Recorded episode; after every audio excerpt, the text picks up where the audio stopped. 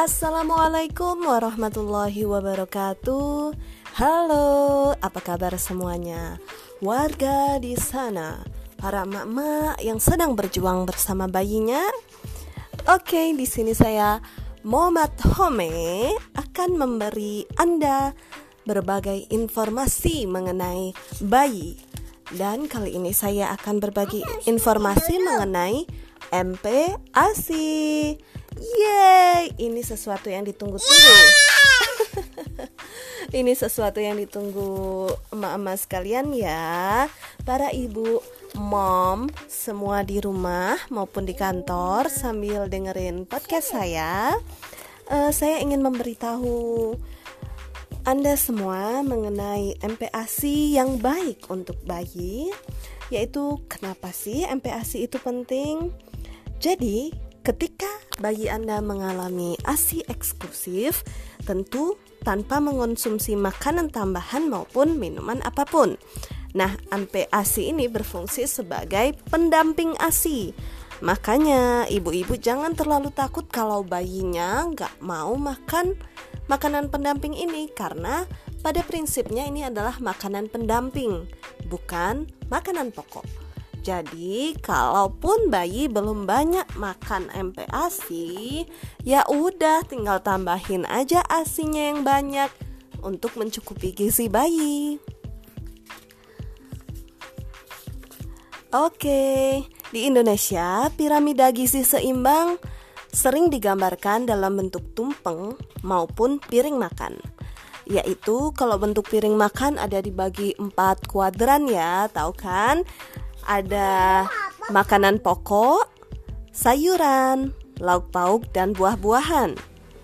Nah, yang sering kita pakai sebagai acuan adalah yang bentuk piring ya, jadi empat macam atau sering disebut empat bintang.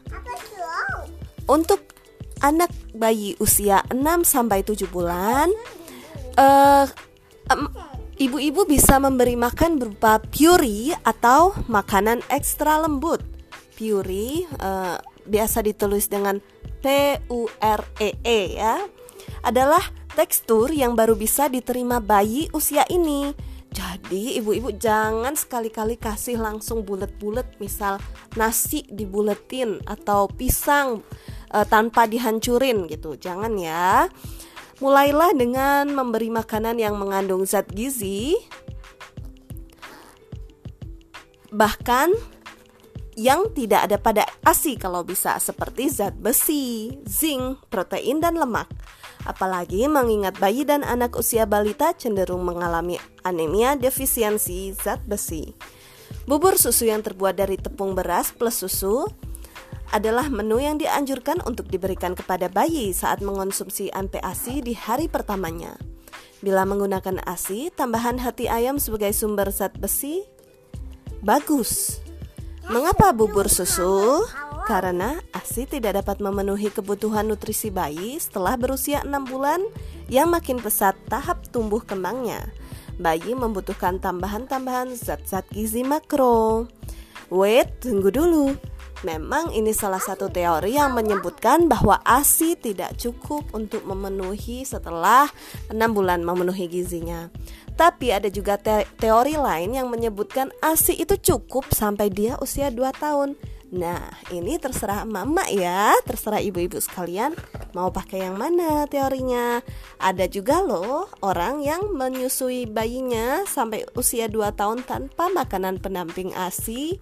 Ya, bayinya tetap sehat kok, tetap tetap kuat, katanya giginya bagus dan sebagainya kebutuhan-kebutuhan nutrisinya terpenuhi dengan parameter tidak ada yang tidak tidak banyak anaknya yang sakit walaupun dengan mengonsumsi ASI saja.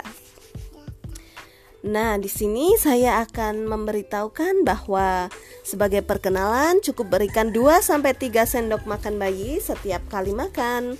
Kenalkan satu jenis makanan dulu selama 2 sampai 3 hari berturut-turut agar bayi bet merasakan betul rasa makanan tersebut dan ibu-ibu bisa mengetahui apakah bayi Anda alergi atau tidak. Nah, ini sangat penting mengetahui untuk mengetahui jenis jenis alergen atau makanan yang membuat bayi Anda alergi. Coba bayang, bayangin kalau ibu memberikan makanan langsung dalam bentuk uh, kompleks beberapa makanan tidak satu-satu maka akan sulit untuk mengetahui uh, bagi ibu alergi apa.